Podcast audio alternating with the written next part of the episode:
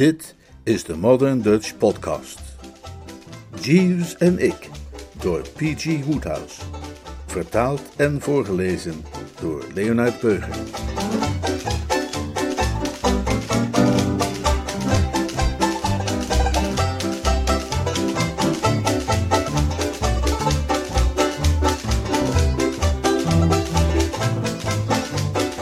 Hoofdstuk 3 Jeeves en de oude krent. Soms als ik 's morgens in bed zit en mijn kopje thee drink om de dag mee te beginnen, en ik kijk zo naar mijn bediende Jeeves, die geruisloos door de kamer heen en weer zoeft om mijn kleding voor die dag gereed te leggen, vraag ik me wel eens af wat ik in hemelsnaam zou moeten beginnen als de man het ooit in zijn hoofd zou halen bij mij weg te gaan. Hier in New York valt het nog wel mee, maar toen we nog in Londen waren, maakte die gedachte me vaak ernstig ongerust. Daar deed allerlei laag gespuis volop pogingen om hem van mij af te troggelen.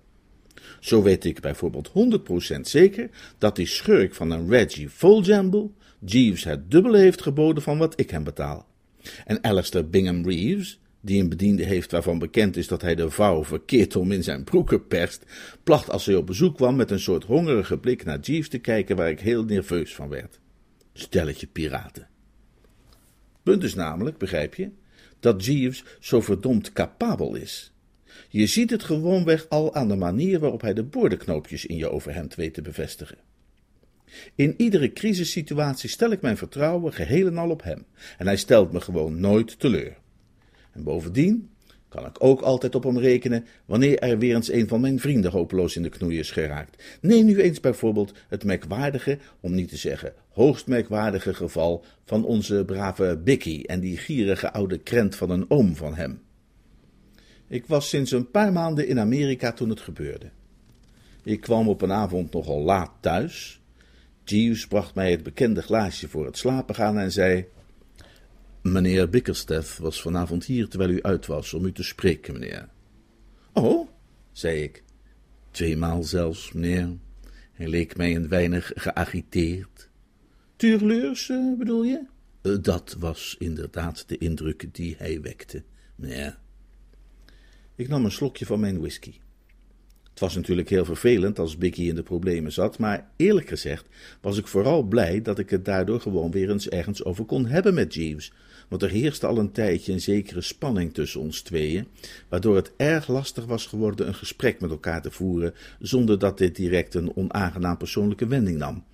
Ik had namelijk, moet je weten, terecht of onterecht, besloten mijn snor te laten staan, en die was Jeeves bij wijze van spreken in het verkeerde keelgat geschoten. Hij kon het ding niet uitstaan en liep daarom al een tijd lang rond in een algemeen afkeurende houding, waar ik langzamerhand behoorlijk genoeg van begon te krijgen. Ik bedoel, het staat buiten kijf dat Jeeves' oordeel op het punt van kleding onaanvechtbaar is en simpelweg dient te worden opgevolgd. Maar het ging mij toch echt te ver dat hij nu, behalve mijn kostuum, ook mijn gezicht wilde gaan redigeren. Niemand kan mij onredelijk noemen, en meer dan eens heb ik mij volgzaam als een lam getoond wanneer Jeeves weer eens een van mijn lievelingspakken of dassen had weggestemd. Maar als het zover gaat komen dat je persoonlijke bediende zijn werkterrein begint uit te strekken tot je bovenlip, dan wordt het toch echt tijd om de bulldog in je wakker te roepen en de stem des volks te trotseren. Hij zei dat hij op een later tijdstip nog eens terug zou keren, meneer. Er moet iets met hem aan de hand zijn, Jeeves. Ja, meneer. Ik draaide bedachtzaam aan de punt van mijn snor. Jeeves hield gepijnigd de adem in, zodat ik het gewas meteen weer losliet. Ik lees in de krant, meneer, dat meneer Bickersteth's oom binnenkort zal arriveren aan boord van de Carmantic. Oh ja? Zijn excellentie, de hertog van Chiswick, meneer. Dat Biggie's oom een heuse hertog was, was voor mij nieuwe informatie. Mal eigenlijk hoe weinig men afweet van zelfs zijn beste makkers. Ik had Biggie voor het eerst ontmoet tijdens een soort uh, fuif of bonte avond ergens in de buurt van Washington Square, toen ik nog maar net in New York was. Ik had op dat moment waarschijnlijk een beetje heimwee en ik voelde me dus meteen nogal tot Biggie aangetrokken toen ik ontdekte dat hij ook uit Engeland kwam en zelfs tegelijk met mij in Oxford gezeten had. Bovendien was hij een vreselijke kluns, wat ook al meteen een band gaf. En toen we samen een glaasje dronken in een rustig hoekje dat niet helemaal afgestampt was met schilders en schrijvers en noem maar op, maakte hij verder direct diepe indruk op me door zijn uitzonderlijk begaafde imitatie van een bull terrier die een kat de boom injaagt. Maar hoewel we dus sindsdien dikke vrienden zijn, was alles wat ik van hem wist eigenlijk alleen dat hij doorgaans op zwart zaad zat en dat hij een oom had die daar af en toe wat verlichting in bracht door middel van een maandelijkse overschrijving. Uh, als de hertog van Chiswick zijn oom is, waarom heeft hij dan zelf geen titel? Waarom heet hij dan geen Lord Huppel de Pup of zoiets? Meneer Bickersteth is de zoon van wijlen Lord Chiswick's zuster, die getrouwd is met kapitein Rollo Bickersteth van de Coldstream Guards. Jeeves weet alles. Is meneer Bickersteth's vader dood? Ja, meneer. En heeft hij hem geld nagelaten? Nee, meneer. Ik begon te begrijpen waarom die brave Bicky eigenlijk altijd platzak was. Voor de oppervlakkige waarnemer klinkt het misschien heel goed, weet je wel, om een hertog als oom te hebben. Maar het probleem met de oude Chiswick was dat hij weliswaar achterlijk rijk was en half Londen bezat en vijf graafschappen ergens in het noorden, maar dat er vooral ook bekend stond als de grootste gierigaard van heel Engeland. Hij was een schoolvoorbeeld van wat wel eens wordt aangeduid met een oude krent, een duitendief, een erteteller, een echte vrek. Als Bicky's ouders hem niets hadden nagelaten en hij afhankelijk was van wat hij bij de oude hertog kon lospeuteren, dan stond hij er inderdaad niet erg goed voor. Niet dat het kon verklaren waarom hij mij zo dringend wilde spreken, want hij was iemand die nooit geld leende van zijn vrienden. Hij zei dat hij zijn vrienden liever wilde houden en dat hij daarom uit principe nooit iets van hen leende. Op dat moment werd er aan de voordeur gebeld. Jeeves vloeide geruisloos de kamer uit om open te doen. Ja, meneer, meneer Woester is zojuist teruggekeerd, hoorde ik hem zeggen. En Bicky kwam binnengedruppeld met een gezicht vol zelfmedelijden. Ahoy, Bicky, zei ik. Jeeves zei al dat je me te pakken probeerde te krijgen. Jeeves, breng nog eens een glas en open de feestelijkheden. Wat is het probleem, Bicky? Ik zit lelijk in de soep, eh, Bertie. Ik heb je raad nodig. Zeg op, makker. Mijn oom arriveert hier morgen. Dat heeft Jeeves me verteld. De hertog van Chiswick, weet je wel. Dat heeft Jeeves me verteld. Bicky keek me een beetje verbaasd aan. Die Jeeves lijkt wel alles te weten. Ja, dat is nou mal, hè? Maar ik zat zelf precies hetzelfde te denken. Nou, ik wou, zei Bicky somber, dat hij dan ook wist hoe hij mij uit de soep moest zien te vissen. Jeeves materialiseerde met glas en al en plaatste het deskundig op tafel. Uh, meneer Bickersteth zit nogal in de soep, Jeeves, zei ik, en hij zou graag zien dat je hem uh, eruit haalde. Uitstekend, meneer. Bicky keek een beetje twijfelachtig. Tja, eh, je moet natuurlijk wel begrijpen, Bertie, dat dit toch eigenlijk ook een beetje een privé-aangelegenheid is en, en, dat soort dingen, hè? Ja, daar zou ik me maar geen zorgen over maken, kameraad. Ik durf te wedden dat Jeeves al helemaal weet hoe het zit. Ja, toch, Jeeves? Zeker, meneer. Ha? zei Bicky een beetje geschrokken. Corrigeert u mij wanneer ik het fout heb, meneer, maar hangt het dilemma waarvoor u staat niet samen met het feit dat u zich afvraagt hoe u aan zijn excellentie moet verklaren dat u zich thans in New York bevindt en niet in Colorado. Biggie drilde heen en weer als een gelatinepudding bij zware wind. Hoe weet jij nou zoiets in hemelsnaam? Ik sprak toevallig de butler van zijn excellentie vlak voor ons vertrek uit Engeland. Hij vertelde mij dat hij een gesprek over deze kwestie had opgevangen tussen zijn excellentie en uzelf, toen hij de openstaande deur van de bibliotheek passeerde. Bicky produceerde een holle lach. Tja, als iedereen er dus al alles van weet, heeft het weinig zin meer om discreet te zijn. Die oude krent heeft me eruit gegooid, Bertie, omdat ik volgens hem een hersenloze sukkel ben.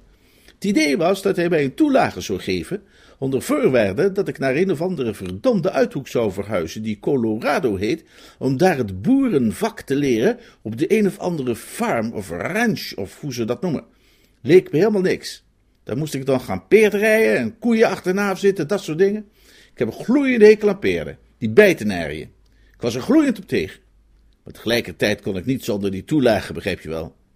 Ik begrijp je helemaal, beste knul. Nou, toen ik hier in New York aankwam, beviel het me hier eigenlijk best, dus het leek me een veel beter idee om hier dan maar te blijven. Dus stuurde ik mijn oom een telegram dat ik een of ander lucratief zaak hier in de stad op het spoor was en dat hele ranch-idee maar liever liet zitten. Hij schreef terug dat het in orde was en sindsdien zit ik hier. Hij denkt dat ik hier de kost verdien met het een of het ander. Ik had natuurlijk nooit gedacht dat hij wel eens hierheen zou komen, dat snap je. Wat moet ik nu in hemelsnaam beginnen? Jeeves, vroeg ik, wat moet meneer Bickerstaff nu in hemelsnaam beginnen? Ik heb namelijk, zei Bicky, telegram van hem gekregen met de mededeling dat hij bij me wil logeren. Om een hotelrekening uit te sparen, neem ik aan. Ik heb hem altijd de indruk gegeven dat het mij hier behoorlijk goed ging, maar ik kan hem onmogelijk op die huurkamer van mij onderbrengen. Al iets bedacht, Jeeves? vroeg ik. In welke mate, wanneer dat geen al te delicate vraag is, meneer, bent u bereid, meneer Bickerstaff, bij te staan?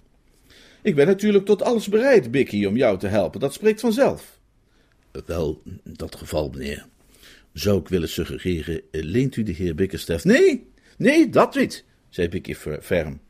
Ik heb nog nooit een cent van jou geleend, Bertie, en dat wil ik graag zo houden. Ik mag dan een sukkel zijn, maar het is mijn trots dat ik aan niemand ook maar een cent schuldig ben. Je winkeliers uitgezonderd natuurlijk. Eh, wat ik eigenlijk wilde voorstellen, meneer, is dat u de heer Bickerstaff voor een tijdje deze flat zou kunnen uitlenen. Meneer Bickerstaff zou het dan aan zijn oom, de hertog, kunnen doen voorkomen dat hij daarvan de eigenaar is. Ik zou dan met uw toestemming kunnen doen alsof ik in meneer Bickerstaff's dienst was in plaats van in de uwe. U zelf zou hier dan zogenaamd tijdelijk verblijven als de heer Bickerstaff's gast. Zijn excellentie zou in onze tweede logeerkamer kunnen worden ondergebracht.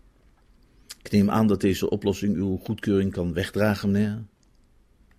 Bicky was opgehouden met rusteloos heen en weer bewegen en staarde Jeeves aan met eerbiedige vrees.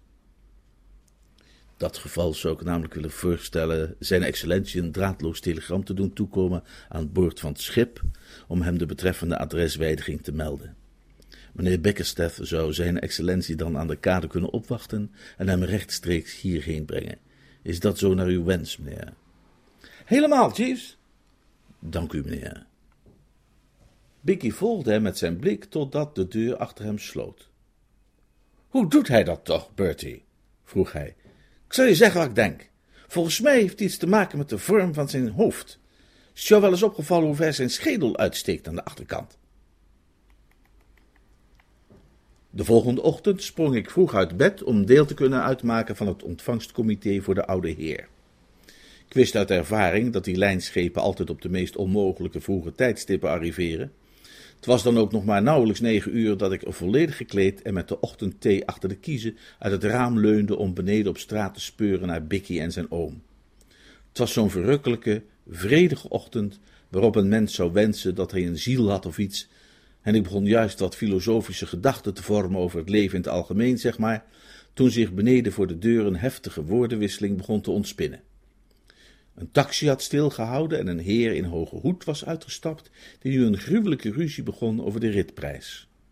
Voor zover ik het kon verstaan, probeerde hij de taxichauffeur over te halen Londense in plaats van New Yorkse prijzen te berekenen, maar de taxichauffeur had waarschijnlijk zelfs nog nooit van Londen gehoord en had er in elk geval geen hoge dunk van.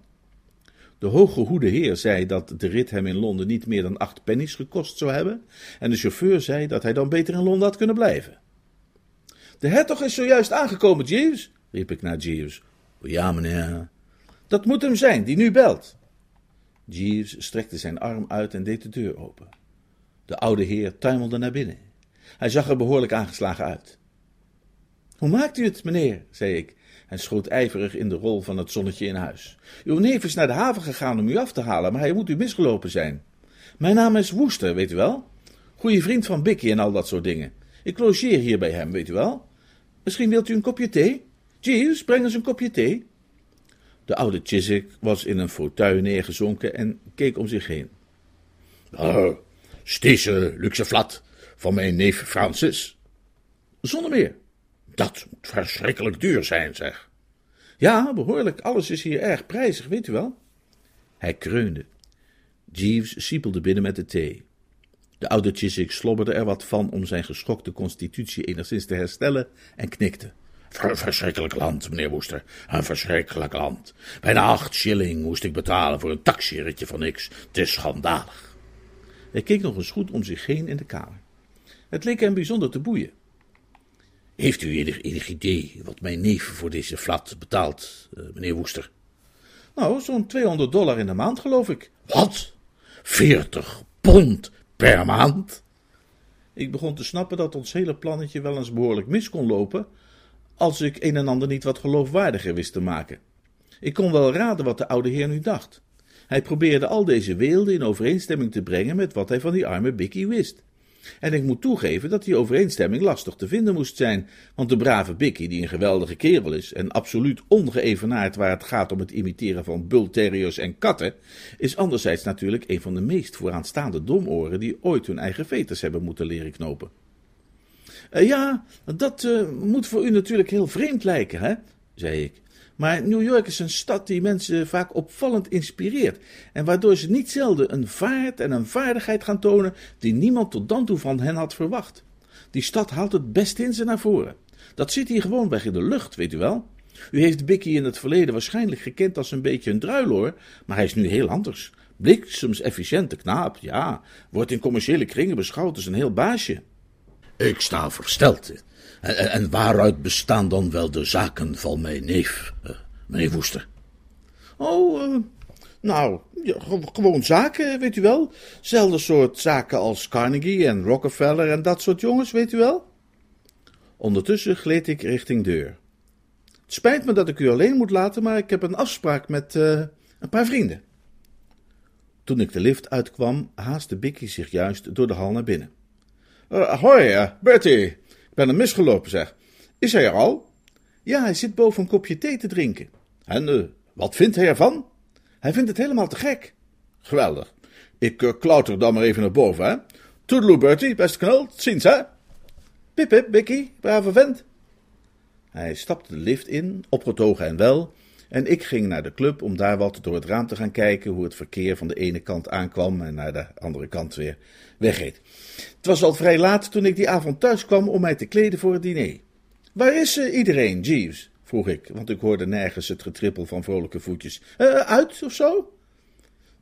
Zijn excellentie wenste enige bezienswaardigheden te gaan bekijken, meneer, en meneer Bickerstaff begeleidt hem daarbij.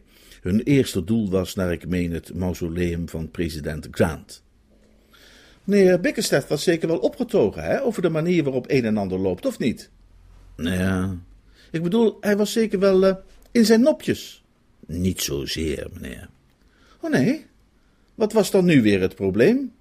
Wel, meneer, het plan dat ik zo vrij was u beiden voor te leggen heeft ongelukkigerwijze niet geheel naar tevredenheid uitgepakt. Oh? Is de hertog er dan niet van overtuigd dat meneer Bickerstaff het goed doet in zaken en al dat soort dingen? O, zeker wel, meneer. Maar het resultaat daarvan is dat de hertog besloten heeft om de heer Bickerstaff's maandelijkse toelage te staken, daar de heer Bickerstaff zodanig succesvol is dat hij kennelijk niet langer enige financiële ondersteuning van nodig heeft. Grote genade, Jeeves. Maar dat is verschrikkelijk.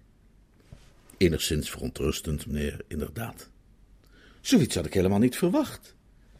Moet toegeven dat ik deze gang van zaken helaas ook niet had durven voorzien. Nou, ik, neem aan dat die arme sukkel er behoorlijk stuk van is. Meneer Bickerstaff oogde beslist ontmoedigd, meneer.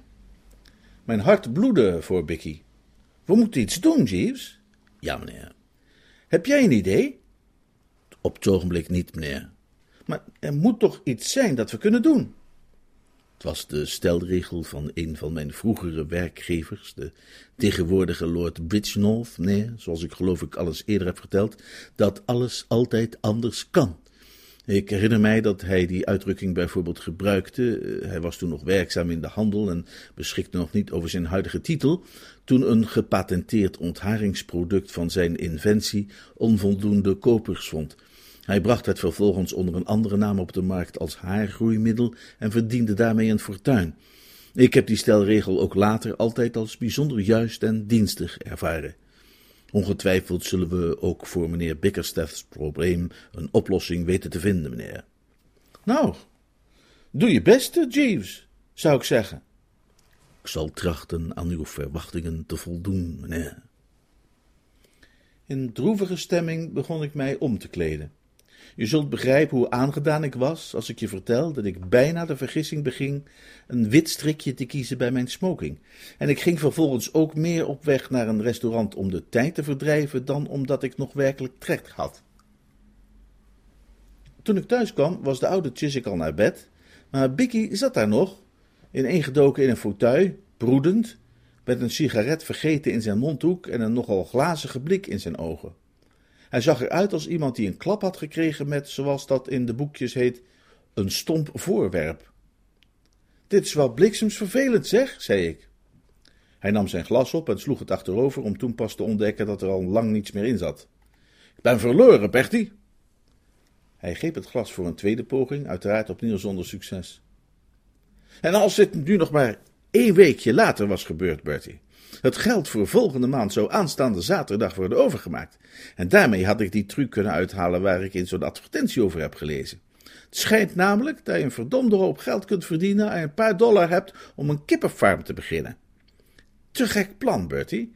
Je koopt zeg maar één kip, hè? Hm? Ik noem het maar even één kip voor de duidelijkheid. Hè? Die, kip legt dan elke dag van de week een ei. Hm? En die eieren verkoop je samen voor 25 cent. Kippenvoer kost niks. Winst dus praktisch 25 cent op elke zeven eieren. Of uh, doe het anders. Hè? Stel dat je 10 kippen hebt. Hè? Elk van die kippen krijgt 10 kuikentjes. Die kuikentjes groeien op en krijgen dan vanzelf weer kuikentjes. Nou, minder dan geen tijd sta je op die manier tot aan je oksels in de kippen, man. Die allemaal uh, eieren leggen, hè? Uh, A 25 cent voor zeven stuks. Kan je een kapitaal mee verdienen. En leuk om te doen ook hoor, kippen houden. Hij was al helemaal opgewonden geraakt bij de gedachte alleen al, maar op dat moment zakte hij weer somber achterover in zijn stoel. Maar ja, het heeft allemaal geen zin, zei hij, want ik heb geen cent om mee te beginnen. Nou, ja, je weet dat je maar hoeft te kikken, Vicky.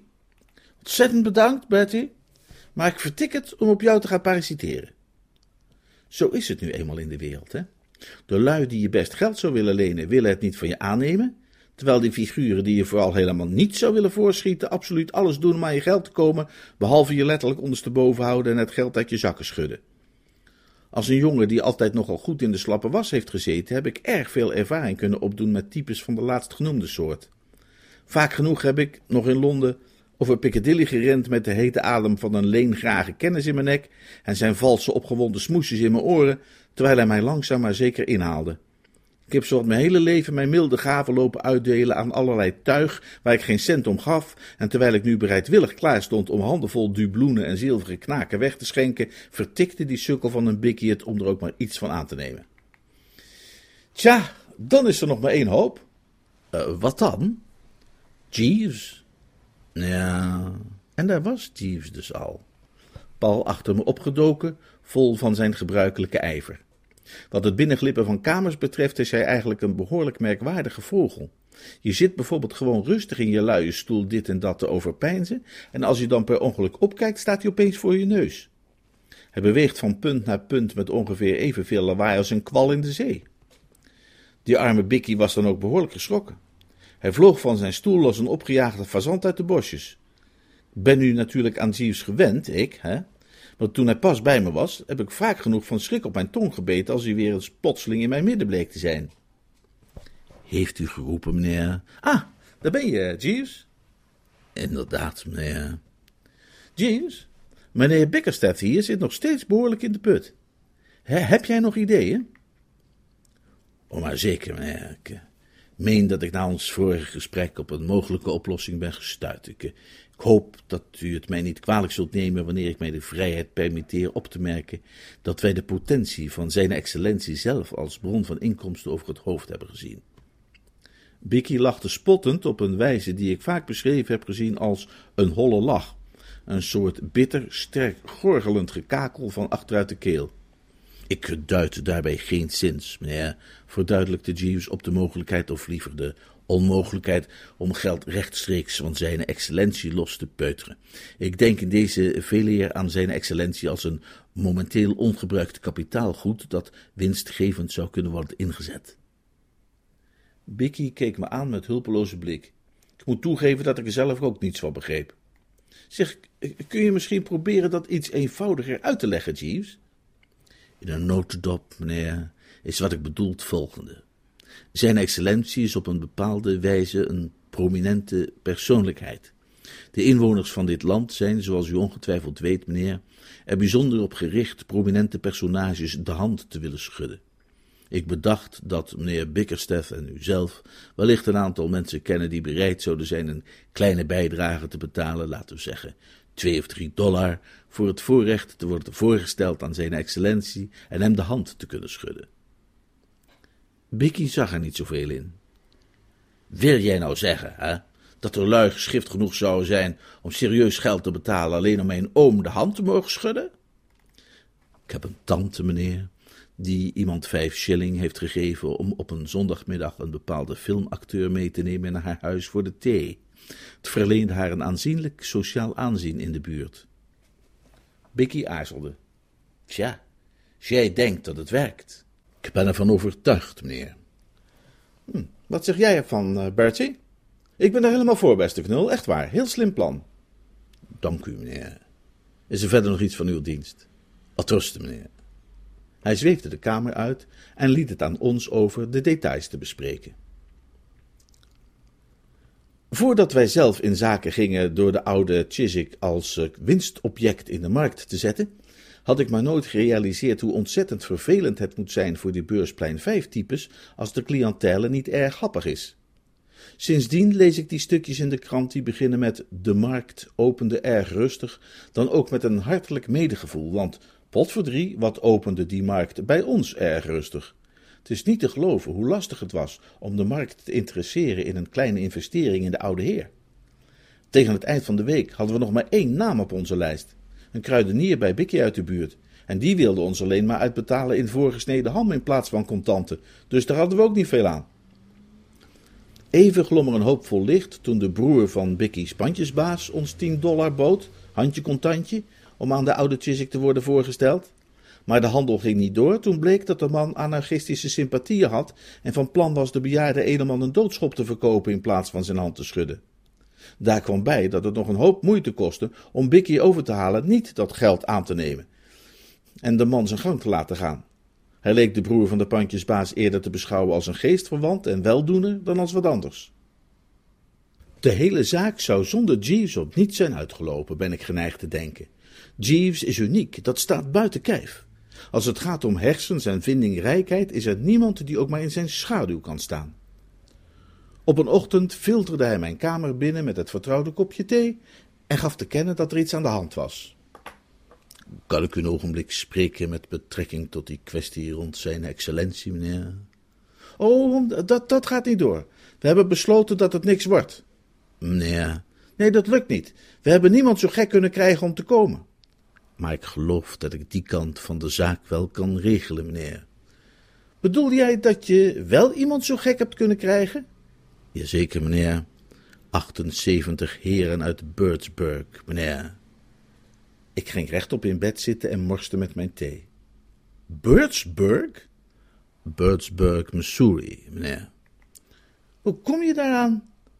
Daar u had aangegeven gisteravond niet voor middernacht thuis te zijn, meneer, bezocht ik een theatervoorstelling en raakte in de pauze in gesprek met iemand in de stoel naast mij. Het was mij opgevallen dat hij een nogal markante versiering op zijn revers droeg, meneer. Grote blauwe button met daarop in rood de woorden Birdsburg boven alles. Een weinig adequate toevoeging aan het avondkostuum.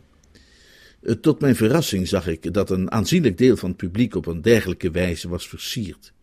Ik was zo vrij om een verklaring te vragen en vernam dat deze heren een gezelschap van 78 personen een gezelligheidsvereniging vormden uit Birdsburg in de staat Missouri. Hun bezoek, begreep ik, was van zuiver sociale en onderhoudende aard, en mijn informant weidde met enthousiasme uit over de vermakelijkheden die zij tijdens hun verblijf in de stad hadden bezocht en nog gingen bezoeken. Eh, toen hij met trots en tevredenheid verslag deed van hoe een aantal van hen eerder die week was voorgesteld aan een beroemde bokser en hem de hand had mogen schudden, bedacht ik dat het wellicht een goed idee zou zijn om zijn excellentie ter sprake te brengen. En om een lang verhaal kort te maken, ja, heb ik geregeld, uh, uiteraard afhankelijk van uw toestemming, dat de gehele club morgenmiddag aan de hertog van Chiswick zal worden voorgesteld. Ik stond versteld. De man was een genie. Een ware Napoleon. 78, Jeeves. En voor hoeveel de man? Een kleine kwantumkorting werd bedongen, eh, waarbij wij zijn uitgekomen op een prijs van 150 dollar voor de hele groep. Ik dacht even na. En vooruit betaald? Nee, meneer, het is mij niet gelukt vooruitbetaling te verkrijgen. Nou ja, hoe dan ook. Als we dat geld krijgen, maak ik er stilzwijgend 500 dollar van. Hè? Daar komt uh, Bicky toch nooit achter. Denk jij dat meneer Bickerstedt dat door heeft, als ik er 500 van maak? Ik dacht van niet, meneer. Meneer Bickerstedt is een aangenaam mens, maar niet opmerkelijk schrander. Nou, dan is het in orde. Loop na het ontbijt even naar de bank om het geld op te nemen. Uitstekend, meneer. Weet je, Jeeves, jij bent een wonder, jij. Dank u, meneer. Fantastisch. Uitstekend, meneer. Toen ik die brave Bicky wat later op de ochtend even apart nam om hem van de ontwikkelingen op de hoogte te brengen, zakte hij van aandoening bijna door zijn hoeven. Hij struikelde de woonkamer binnen en sprak de oude Chiswick aan, die juist de stripbijlage van de ochtendkrant aan het doornemen was, met een bittere uitdrukking op het gelaat. Oom, zei hij, heeft u speciale plannen voor uh, morgenmiddag? Er zijn namelijk een paar kameraden van mij die ik graag eens aan u zou willen voorstellen. De oude heer keek hem onderzoekend aan. Daar zijn toch geen journalisten bij, is het wel? Journalisten? Wel nee, zeg, hoezo? Ik weiger mij te laten lastigvallen door journalisten. Er waren wat uiterst vasthoudende jongelui aan boord van het schip toen wij de haven naderden, die maar bleven proberen mij uitspraken te ontlokken over Amerika. Hmm, in dat soort lastbak heb ik absoluut geen zin meer. Oh, maar dat komt helemaal in orde, eh, oom. Van verslaggevers zullen wij geen enkele last hebben. In dat geval zal ik graag met je vrienden kennis maken, mijn jongen. En uh, u wilt ze wel de hand schudden en zo? Ik zal me vanzelfsprekend gedragen naar de regels van een beschaafde omgang. Bicky bedankte hem hartelijk en liep met mij mee naar de club voor de lunch, waar we uitgebreid met elkaar spraken over kippen, broedmachines en andere vreselijke dingen. Na ampele overweging hadden we besloten om de Birdsburg Club in groepjes van tien op de oude heer los te laten. Jeeves had zijn kennis uit het theater gevraagd om even langs te komen en met hem maakten we onze afspraken. Een alleraardigste kerel.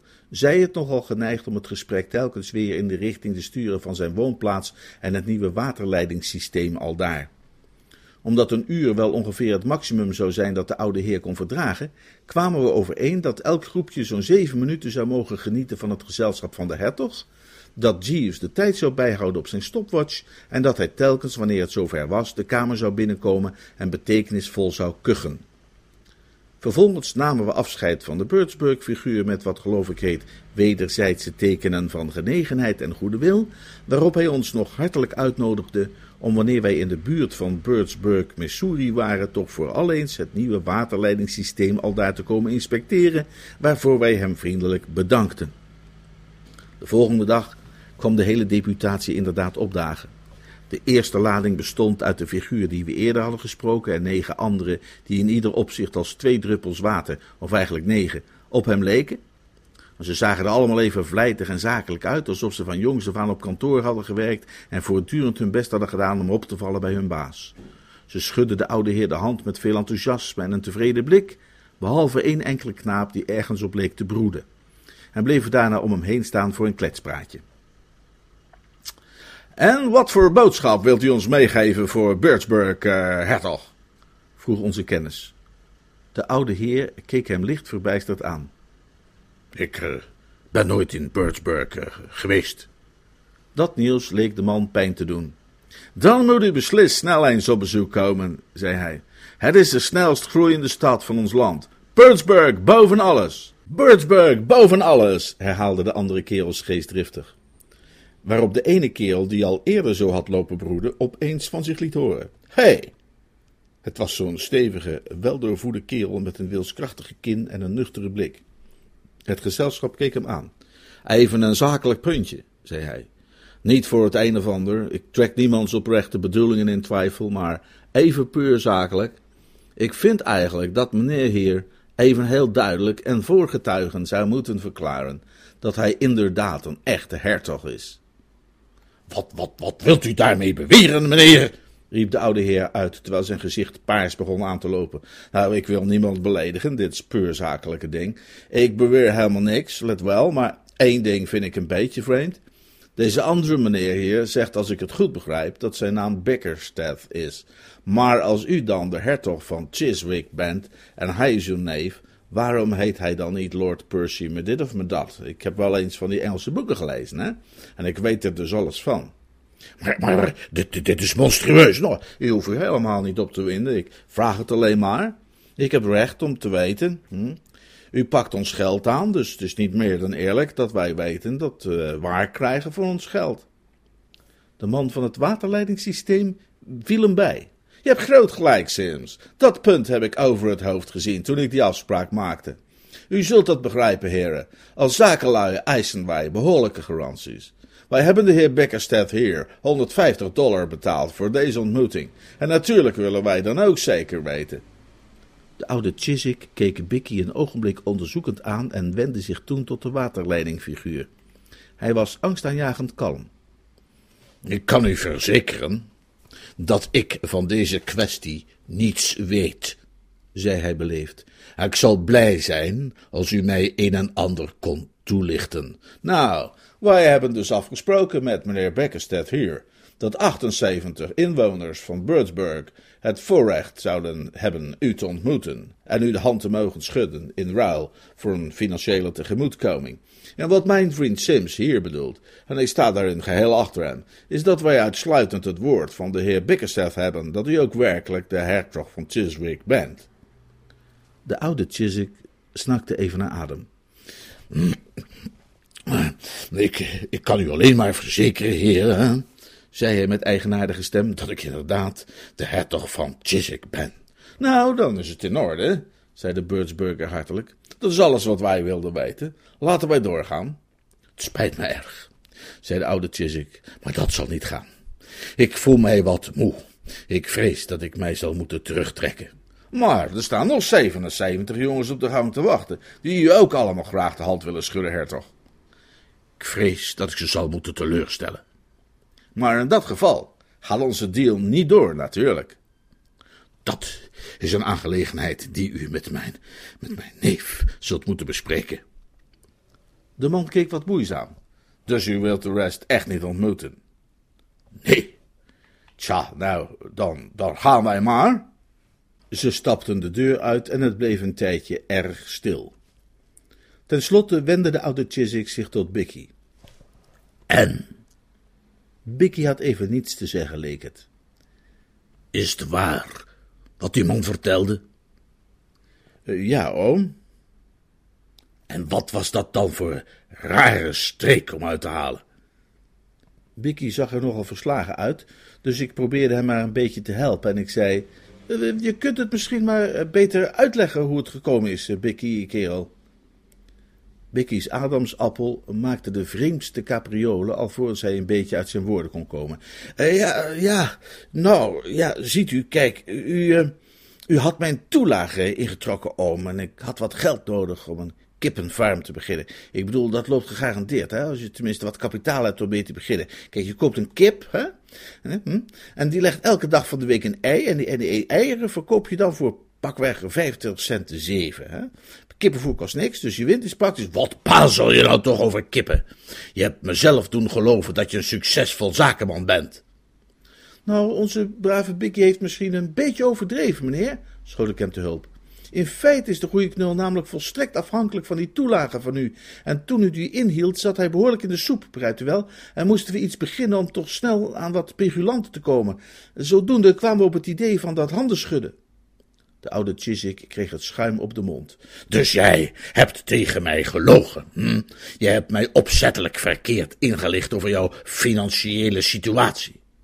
De, de, die arme Bikkie wilde niet naar die ranch, die, die farm, die boerderij, legde ik uit. Hij houdt niet van koeien en paarden, maar hij denkt dat het helemaal zal gaan klikken met kippen. Dat wel. Hm?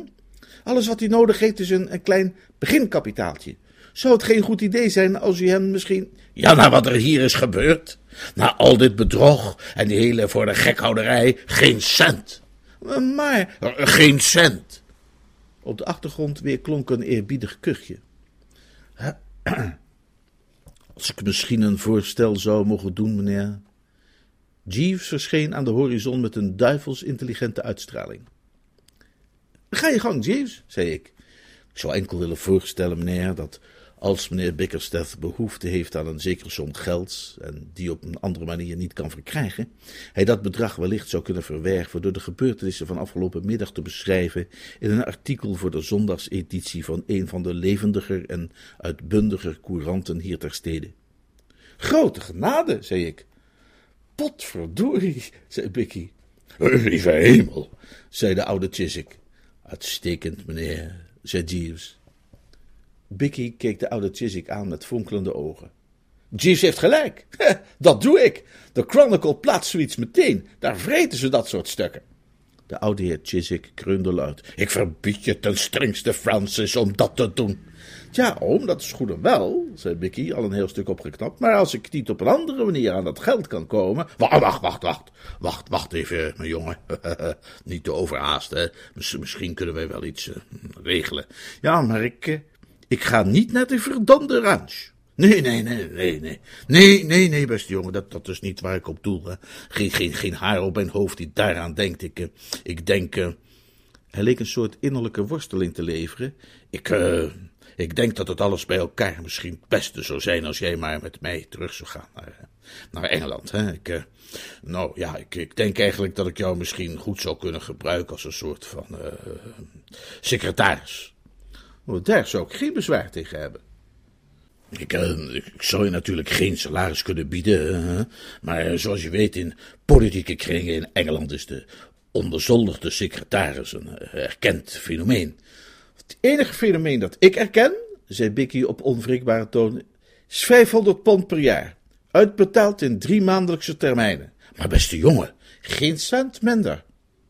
Maar, maar beste Francis, je, je, je, werkelijke beloning zou bestaan uit de ongevenaarde gelegenheid die je in die positie zou krijgen om ervaring op te doen en thuis te kunnen geraken in de fijne kneepjes van het politieke bestaan. Een uiterst gunstige gelegenheid, hè? realiseer je dat wel?